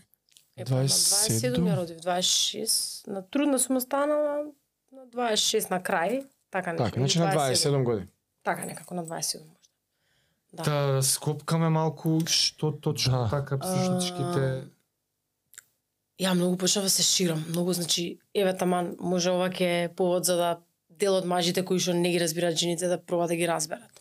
Пошто верувате дека во тие периоди на жената ја премногу, премногу, премногу, премногу, премногу а, потребна поддршка и разбирање. Мислам, колку и да е, може да во вашите глави не можете да разберете, али морате да се трудите. Мислам, не зборам конкретно за вас, него општо. Не, не, не. За родот. Значи, сега некои викаат на женско дете се шириш, различно си трудна. Пример, многу луѓе со Кирилка бев ми викаат убавка си, знаеш, убавко трудна си. А пример со Илина, луѓе, јас со Илина иде вака. Значи, јас со Илина се здебелив. Ја никогаш пред... Ја цел живот сум била слаба. Значи, ја почнав малце некој ки- килограм да ставам вишак, пак ќе кажам од врската со Димитар, зашо до предходно никад не сум имала време да јадам навечер или нешто така со Димитар кога ти стане убаво, знаеш, дечко и девојка и некако така. Предходно значи никогаш ја не сум се видела во огледало да сум крупна. Тоа беше едно запознавање со нова јас која што ја не ми се допаѓаше таа. А ти у тој момент не можеш да превземеш некои ригорозни мерки за да ослабиш Јас. или не знам што, зашто пази е света улога имаш си трудна и носиш дете и треба све да биде како што треба. Ја не можев да се гледам во огледало. Ја не можев да се поднесувам, ја не можев да се носам. Ја начинот на кој што мирисав и се потев. Ја не можев да преживеам, ја не знам како, мислам, све е различно, све е ново, ти доаѓа те затекнува некако ти ви викам детето ја бев на некој начин млада за моите апетити. Мислам ја ја планирав уште да терам да застанам на нозе со кариерата, не усред градење нешто ја останав трудна, па се така некако се деси, знаете. И овакво почнав нагло да да да да да си правиш филмови, знаеш, ти требаше толку некако, не знам за глупости, пример, не знам сега дали све све треба да раскажам, валја, валја не, ама То Да. не што си сакаш, што по, можеш. е, баш као што си емотивен, значи хормоните ти се плафон. На Си најако. емотивен. Мажот продолжува да изгледа добро, а ти више не изгледаш добро. Со тебе порано ако некој се поздравил, кај си бе сарче, ке се гушнете сега ти вика Е, здраво, мислам сега не баш така, бе, да лошо изгубев, али Така си го доживаш ти. али или некои луѓе ќе ти кажат, пази ова е Македонија. Но се оправило тоа. Леле колкава си, леле луѓе ножеви вака. Хш, врм.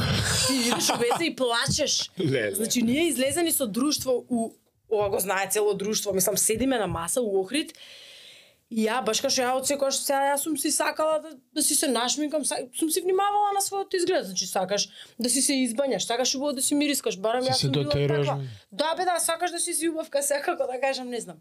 И одеднаш сваќаш дека ти колку да се бањаш, ти ќе смрдиш, вака чудно, како што претходно не си. Дека ти нозете ти отекуваат, дека прстите си кој бабчиња, дека си огромна, дека не можеш сама да се поднесуваш, дека те боли кичмата, дека не можеш да мрднеш. Уни една физичка активност што ја правиш, дека ја претходно сум сакала таков човек. Сум сакам да си завршам, некам да зависам од дој помогни ми. Од сите зависиш. Мислам, полно работи се, не знам, у мозоков ти се дешава бродолом, мислам, свашто ти се дешава. Јас станав, иде ми плачам. Доаѓа Димитар, зошто плачеш? Зашто сум грда. Како можеш да плачеш, не си грда? Јас сум грда, не можеш да ми обясниш дека не сум. Не пазвам на микрофонов, нема везе, валјда ми има. И добро.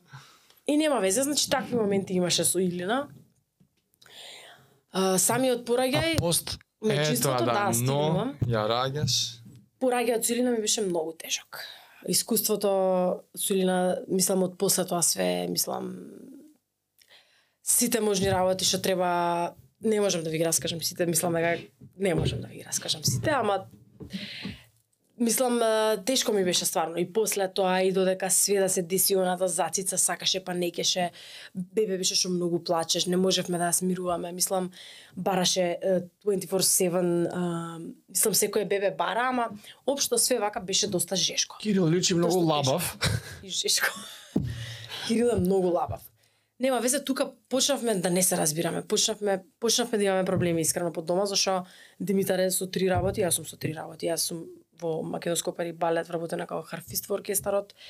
кај што харфата има солистичка улога и ти треба сериозно сериозно да седнеш да свириш, зашто ти си сам ако ќе се слушаш горе со балерина на Лебедово езеро солото ти го свириш, немаш група која што ќе ти помогне, па некој ако сгреши да не се чуе. Одговорна работа е. Предавав во, мислам предавам во музичкото училиште пиано форте. На страна да не збориме пишување, текстови музики, Авторка, тезги тоа, да, друго. да. е. Димитар е во Настапи. Идеалаб, Димитар е на радио, Димитар исто така чита војсовери, оди води настани плюс 500.000 работи. Се дешава еден општи хаос дома. Ние сваќаме дека ние имаме дете на негови 30, му и 27. И сега можда ни он ни така го замислил ни ја и некако ни беше онака као ни беше малце. И ни требаше период Каде да, да тук? сватиме, јас сватив дека прегорувам во главата, почнав да си се интересирам, не ми е срам, ќе си кажам.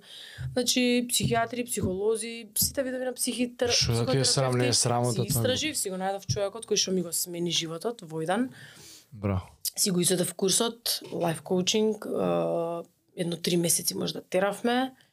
Јас повторно и си влијаеше го... Нови видици. Да, с- не позитивно, него ми го, ми го, ми го спаси животот, ми го врати животот. Ти го Не, врати. ми, ја, ми ја даде силата да повторно расудувам со трезна глава, не во афектна состојба и да да се погрежиш за работиве да се вратат кој што треба. Значи, од прилика, за жал, за жал, многу ми е жал што вака е муабетов за едно мајка за друго маќа, ама за жал на некој начин спомените од првата трудноча и првиот пораѓај и првата година на некој начин од животот на Илина ми се такви за разлика од Кирил. Бајч. Кај Кирил фино лепо си фатив хеликобактер негде у шести месец бев на режим, си ослабев 4-5 кила, си се свијав, топ. Цитерав, дури и на Не тренинг идев. грда, да, да. Да, бе, да идев до, до негде до кој месец. Па ти кажав, само на тебе ти шепнав, Да. онака уште не ни знаевме, немавме објавени, на жаре му реков, да знаеш ја ќе доаѓам, ама трудна сум. Само пази да не е нешто Пази со стомачно или едно друго, да. И ти текнува. Ми текнува. Како да не ја малце уплашен. И после имаше некој период. Да, Прв боли пат, прв пат тогаш бремена Да. жена требаше Не, да не. коучаш? А, само Кики, што беше трудно да со голем стомак до крај. Али Дека она не е имаше работа, не, че да ама си она имаше искуство од 3-4 години вежбање кросфит и прашала она доктор, јас и на Сарајево праши се докторката Да. најубаво. Јасно, јасно. Ако си бар, барем две години во нек тој тренинг, кога си труден, не го прекину. Ако си 6 месеца и се затруднеш, не ми почнувај сега, сега, ти можеш да, белја да. напред. Да. Ама и ти као тренер човек, друго е кога знаеш дека некој ја Друго е и sad- посебно си предпазлив и ја цело време а, можеш ова. Да, и сега може некој како аман да ја лабајме, ама се мене ми е Да. малце непријатно. Да, да, да. да. Да, теравме некое време, после докторот кажа доста и И стално беше консултирај се со докторот, не, Да. не сум ја лекар, не знам. После тој период, Кирил предпоставувам, го родив као господин. Ама Значи, како излезе, кога му го слушнав плачењето, викам, ти ќе видиш за разлика од. Илина, онака викам, да, онака го раѓам, не ме ни болеше толку, супер беше, мислам, и целиот тим на Санта реално се погрежи бомба и првиот и вториот пат, али вториот пат ми беше онака прелесно. И онака, онака бев, нас, се смеевме, се зезавме, дури го раѓав. Се зезавме за првиот бев умрена, не знаев кај се наоѓам. Димитар иначе присуствуваше на двата пораѓаја, ја сечевам па почната врвца со све такво, нели, калјачи, облечен, све. И онака се зезавме, шегите не престануваат, топ ми беше. Онака, колку се разлика? три години и 10 месеци. А, Илина е. Да, или на А, првото. Керка ми е Елина. А, супер, као Елина Гаранча. Она е едно од најдобрите ќе- мецо-сопрани, ја обожавам. Многу убаво име. Прекрасно. Ке пренесе. Слава. Да запишеш. А, Предобро. три, аха, четири години. Сам да кажам, после тој потешкиот период, кој што сметам дека нити си уникатна по тоа, мислам дека се случува релативно често за, за жени. Пробувам јас, се надевам и други мажи пробуваат да разберат колку можеме да разбереме и помогнеме. Но предпоставам, не предпоставам, сигурен сум, после тој период влегуваш и во убавата, во позитивната страна Да, на мајчинството и како сега се наоѓаш во таа нова улога, од како ја гледаш убавината и како сега почнува да се враќаат и другите Знаеш како ти кога поч... Да. го почна така муабет од кога Откако веќе ќе се сакаш Да. себе си, Да. тогаш се отвараат и другите страсти, пасии кон другите работи. Се засакуваш себе си и како мајка, и сега каков е, какав, как, каква е таа фаза, каков е тој процес, да полека ти се враќа и животот со тоа. а, ти сваќаш кога имаш деца дека ти си уствари многу, многу, многу важна карика во, во универзумот и во светот, зашто ти си водилка. Најсилната и нај, најбитната водилка во животот на овие деца. И нема поголем предизвик од тоа ти да ги насочуваш правилно. Од ти да ги воспитуваш правилно. Значи, а, воспитувањето е исто како што ти е предизвик и игра со музиката, да сама се предизвикуваш себе, нели, ова мотивче можеме да го направам вака или така, или исхраната, или што и да е, нели, споредено. Е, ова е тоа, ама ова е главното. Ова е ти од која стануваш мајка, не дека ти престануваш животот како во другите улоги што ги имаш како автор Ма и не треба да ти престане. И не треба да ти престане. Ако ти престане, нема да си добра мајка. Тоа е тоа. Не застанува светот ако имаш Така е. Ако ти престане, нема да бидеш ти, ти ќе бидеш фрустриран и толку. Ами не само тоа, Значи- почнуваат и да си се надополнуваат една со друга. Некако може... Улогите? Да. Па- Екстра тон, екстра богатство од ова искуство. Инспирација, може му, се префрлава му. Не знам, само Пази, пробувам ти да сваќаш испитам. дека, значи, не знам, ја го, ја го доживам тоа као комплетирање. Ме сваќаш? Е, убав. Као, ова е тоа и сега може да започне Сега убавото. Сега комплетно. немаме, значи, мислам, пак сме ние тие кои што го правиме секојдневието, дали ќе ни биде весело, дали ќе ни, ќе ни биде на шала, пошто дете кој дете пак може да нели да, да, се, да се разлигава или да се расплаче или што и да е. Ама убавото е во тоа што ти тоа е, пази, тоа е твоја ДНК, тоа е парче од тебе, значи буквално е парче од тебе, мислам, особено нели кога си мајка од тебе излага. Супер таткото дава семе, ама ти го правиш, во тебе се Да, прави, во тебе да. се пече. Да, да, да, да. Тој момент кога доживееш тоа дете, да, да ти каже нешто паметно, како пред некој ден искачам надвор, изимам кебенце и Илина ми вика, Е, убаво, мамо, си зема кебенце за тебе, а ја дека сум голема носете ме гледаш. Ако ти е тоа смешно, обично, рака сладко од некој обичен да го каже, кога тоа го кажува твоето дете, онака си викаш, па ја, Успеа. гајам паметен човек. Значи, мислам, сега може не е Не, примеров многу вав пример, баш што ти треба, ама сакам да кажам, тоа е, мислам, врвот на постоењето, врвот на емоциите, мислам. А, и Илина и Кирил. Мислам, Кирил се погоди да биде на онако мал. човек. Он усвеја ма главата од маса и се смее. Се заглавува под кревет и ми прави ха ха, нели тоа е неговото плачење. Ја доаѓам и вака прави И почне да се смее. Пајга да ме кага, не можам џабе се обидувам. Колку месеци се имаше кога донесовте у сала, јао кенгур. Жаре си го чуваше, да. Они вежбаат. Е, мислам дека видов една фотка. Возат луѓе, ова нема врска. И овак. Ако е. Лабав. Не, ни закенка, ни ништо. Намерно ќе повторам за сам да си го врежам, оти ми остави многу јак впечаток. Првиот збор што ми го дај одговор, карика. Ти си многу важна карика во тој живот. И тоа е како преубав символ на животот дека не прекинува. Дека тоа дете е сега продолжеток на твојот живот, па неизиниот ќе биде продолжеток на наредниот и знаеш преубаво не знам дали го имам Синџиров кој што Да. баш нека така, трае, не знам дали сум го слушнал на друго ме- ама многу намерно го повторив за да си го запамтам. Браво, баш убаво кажано, карика во во, во тој животен тек. А, имав едно интересно дека сте прилично отворени со Диме по социјални медиуми, што ми се свиѓа. Си споделувате и заеднички а, животот заеднички си го делите. Ама Диме како карактер можам да го разберам што на машка база, што на спортска база, што на workaholička база, ама ме интересира од женската перспектива како би одговорила Диме каков што е, значи спортист, амбициозен, три работи, да не ти го опишувам машти. Како е да се живее со Диме? Како е да се живее со таков човек, амбициозен, работлив, успешен, со неколку интереси и она на сите страни. Како е да се живее со таков човек? Па ај како сакам нека звучам, ке, ке кажувам како што мислам. Нај најблиску зборот што би го опишал би било прекрасно. Најпрекрасно у свет, зашто пред се Диме е една, еден светол лик.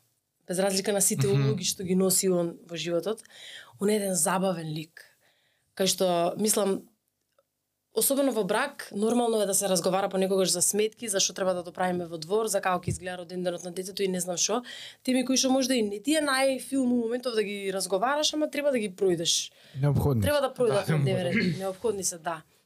И многу е полесно кога тие теми ти ги дискутираш со некој човек кој што е заебант, народно кажано. Финтаджи. Шешит човек. Значи, многу, е, многу лесно е кога е некој забавен, кога е некој позитивен, кога е Да, некој да. светол, лачезарен, кој, некој, некој што сјае. Мислам, за мене Димитар е тоа.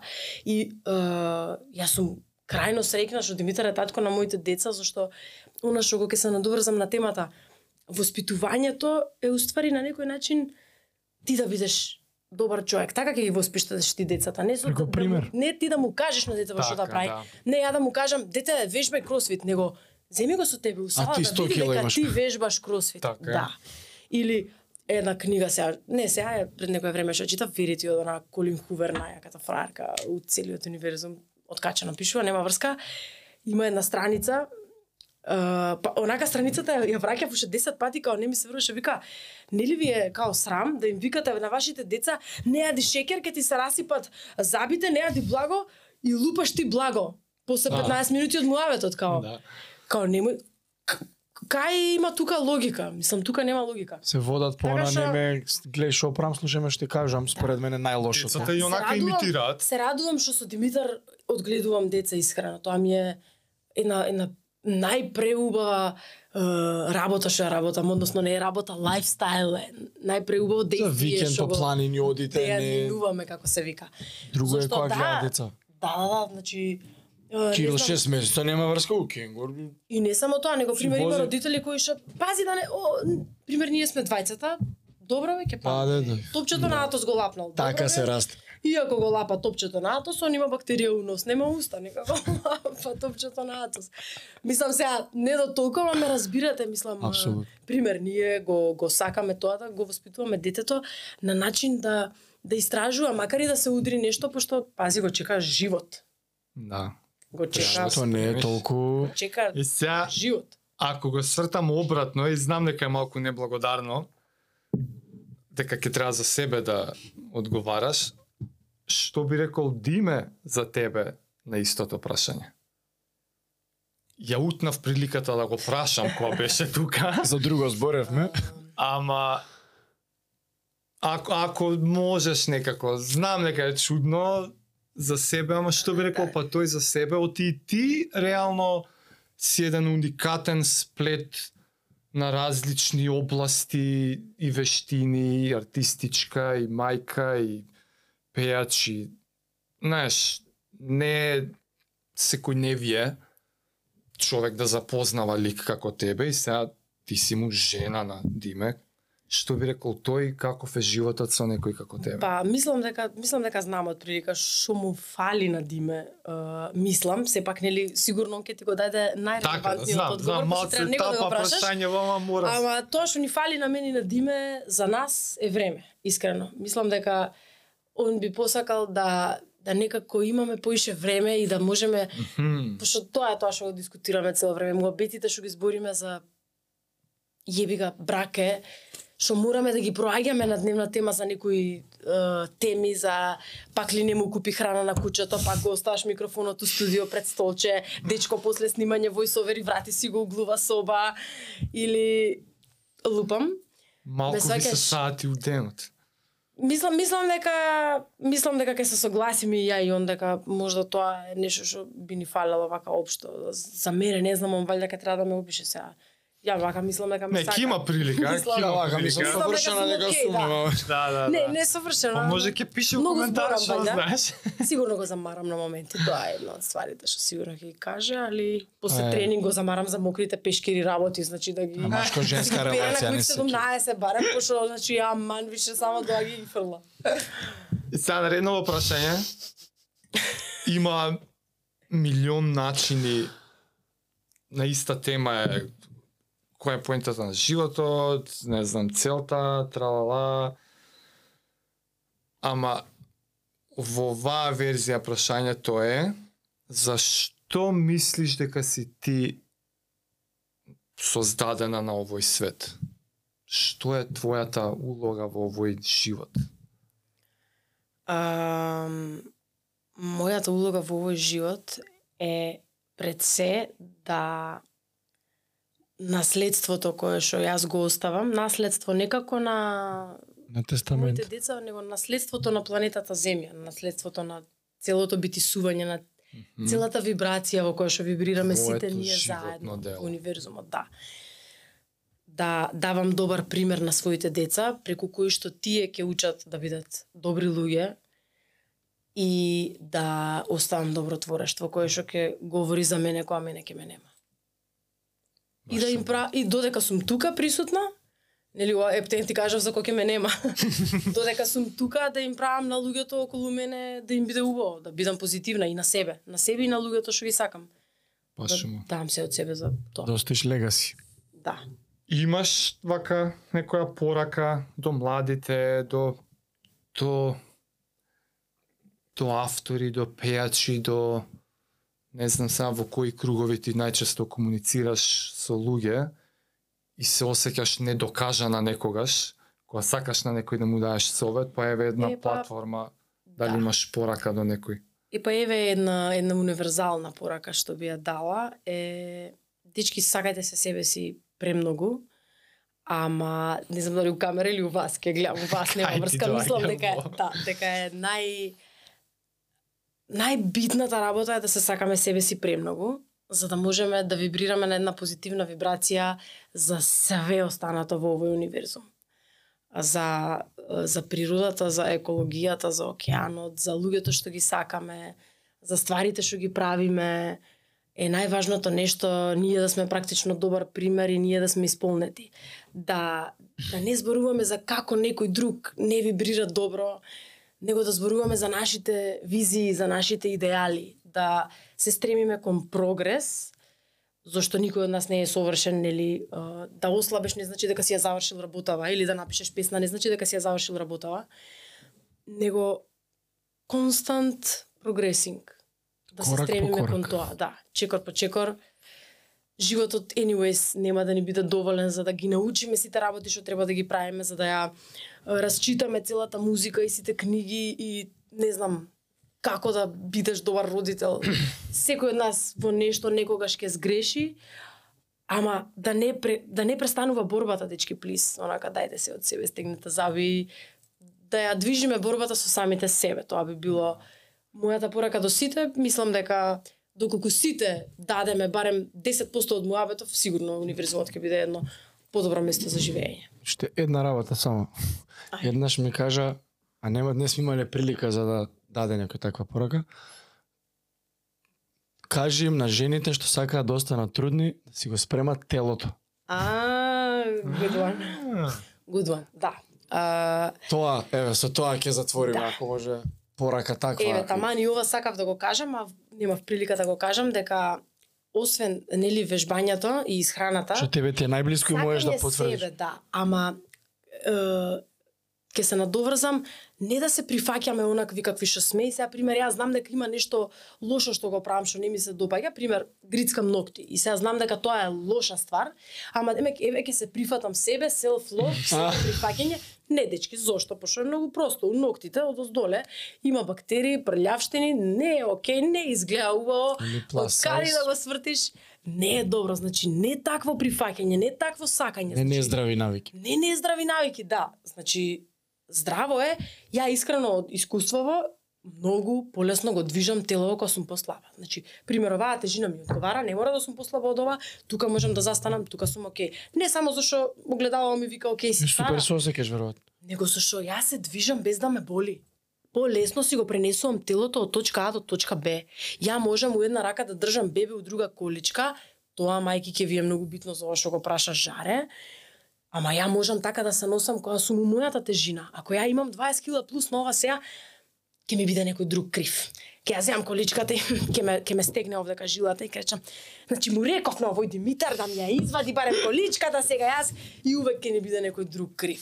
И што е тоа прифаќање на себе демек добра сум мајке пројдам ми вака, ама што, мислам, тоа после тоа други нус ефекти си носи, кои што може до моментот и не ги гледаме баш така. Така да исто како за постпартум, исто е и пре, Uh, ја би ве советувала кој сака да остане труден, да си остане труден во онаа тежина во која што смета дека ќе може да носи бебе едно у една рака, количка у друга, која што ќе може лесно да се пренесува, па дури ако можете и малце послабо од тоа би било супер, пошто сигурно ќе имате вишок за време на бременост, жена оттекува и така натака, преска го зборевме, така да спремете го телото со тежина, а и ако можете до толку унапред да испланирате година две за да влезете у сала и да вежбате, што и да е тој спорт, дали ќе е кросфит, дали ќе е пливање, дали ќе е е, возење точак, дали ќе е трчање, барем било што, не знам. Кој како сака, ама убаво е да биде телото спремно, да бидат мускуливе спремни, пошто сигурно и полесно ќе ќе родат. Ќе расте човек една, внатре. една, а, браво, Жаре. Е, не стварно, знаеш дека сега го сватив ова? Па една од причините пошто ја лесно си продав со Кирил беше зашто ја кај тебе доаѓав колку време пред Кирил? Две години сигурно, Па сигурно. да. Толку беа. Скоро две година и 80 месеци. И кога викаше леле како стара баба сум леле, ја ти кажам доста бе Значи- престани више доста ова. Сега сватив зашто уствари И вика кажи на кажи на жена да си го спреми телото ми. Да, да, да, да. Па да, пошто кога ти си спремен, можеш све сама и никој не ти е крив. А вака ти кога не можеш све, некој друг ти е крив и жабе се расправаш со луѓе, мислам нема поента. Тоа е тоа. Тоа е тоа. Сара, фала ти најмногу од лично сведоштво потврдувам дека зрачиш со енергијата која што сакаш и да ја објасниш, Баш ми е така што го живееш зборот, кој што го шириш, и фала ти за тоа, и фала што ја сподели приказната и како и секојаш се надевам ќе допре да што поише луѓе. Еден да се, Се мотивира. Да, е, Толку е барам. Плюс. да, да. Фала ти најмногу Фала се ви и на најдобро вас. До нареден пат некој. Фала ви на вас. Thank you. Поздрав. Чао.